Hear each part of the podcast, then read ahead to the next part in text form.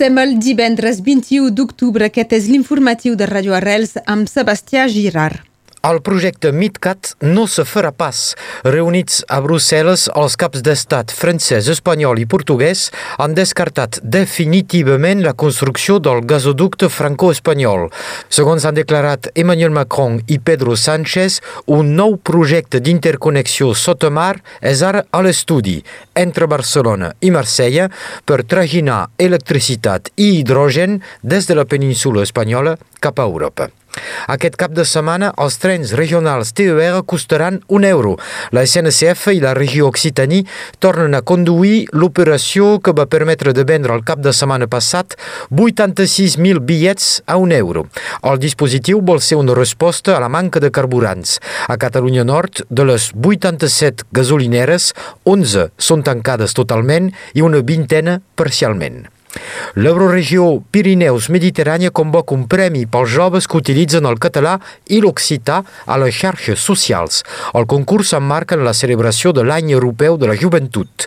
Hi poden participar persones d'entre 16 i 30 anys. Els premis s'atribuiran segons tres categories, individual, col·lectiva o per entitats o associacions que fomentin l'ús de la nostra llengua a les xarxes. El formulari d'inscripció és disponible a la web de l'Euroregió Pirineus-Mediterrània fins al 18 de novembre.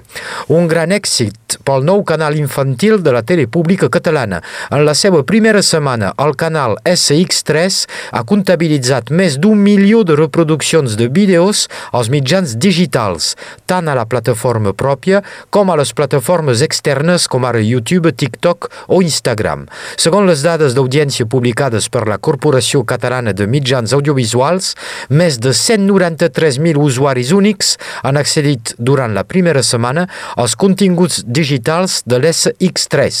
Pel que fa a la cobertura televisiva, 674.000 catalans han connectat amb el nou canal infantil aquesta primera setmana d'emissió. És una conseqüència de la crisi del gas. Europa ha batut el seu rècord de producció solar i eòlica.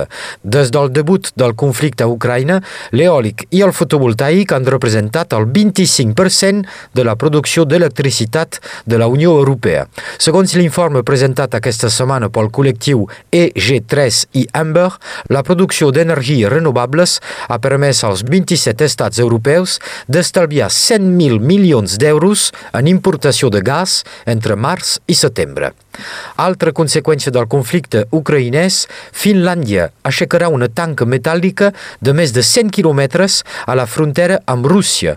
Amb el suport de tots els partits polítics, el govern finlandès ha votat la construcció d'aquesta tanca per frenar la immigració clandestina i l'arribada massiva de migrants. Aquesta mesura vol ser una resposta a les tensions amb el veí rus, unes tensions que augmenten des de la guerra d'Ucraïna i des del procés d'adhesió de Finlàndia a l'OTAN.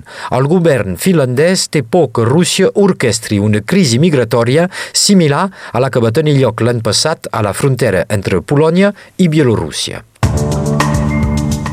Radio Arels instal·la els seus estudis demà a Purvendres per una emissió especial en col·laboració amb la municipalitat per inaugurar l'exposició dels 40 anys de l'associació.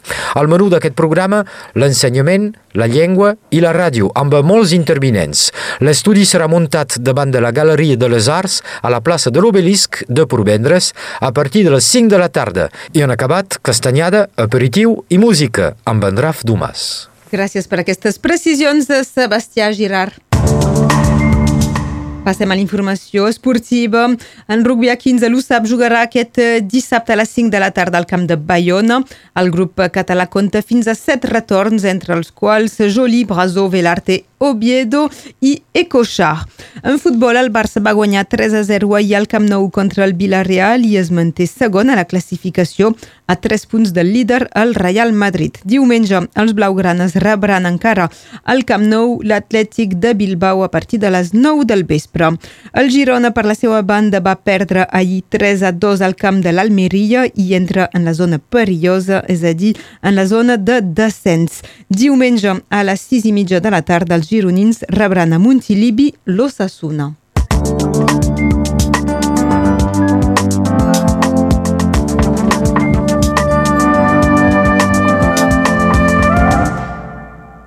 Passem a la previsió del temps amb Meritxell Cristòfol.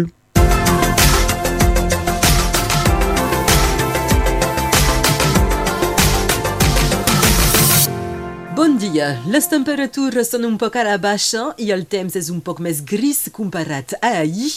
Avui el país se troba sota una capa de núvols densa, un ambient humit, doncs, on el vent hauria de ser present, en particular aquesta tarda. S'anuncien puntes de fins a 70 km per hora a Cerdanya. La manta de núvols manté màximes dolces, 25 graus a Perpinyà i Ribes Altes, 24 a Serret i Banyuls de la Marenda, 23 a Canet, 22 graus als Banys, 21 a la Bastida, 20 a Urbanyà, 15 a Oceja i Puigbalador i 12 graus a Bolquera. Aquest vespre el sol s'apondrà a les 6 i 56 minuts. Perdrem així 3 minuts de llum del dia. Celebrem avui Santa Alòdia, Sant Hilario, Santa Nunilona i Santa Úrsula de Colònia. I acabem amb el refrany del dia. Si a l'octubre el sol pica a la cara, pluja prepara.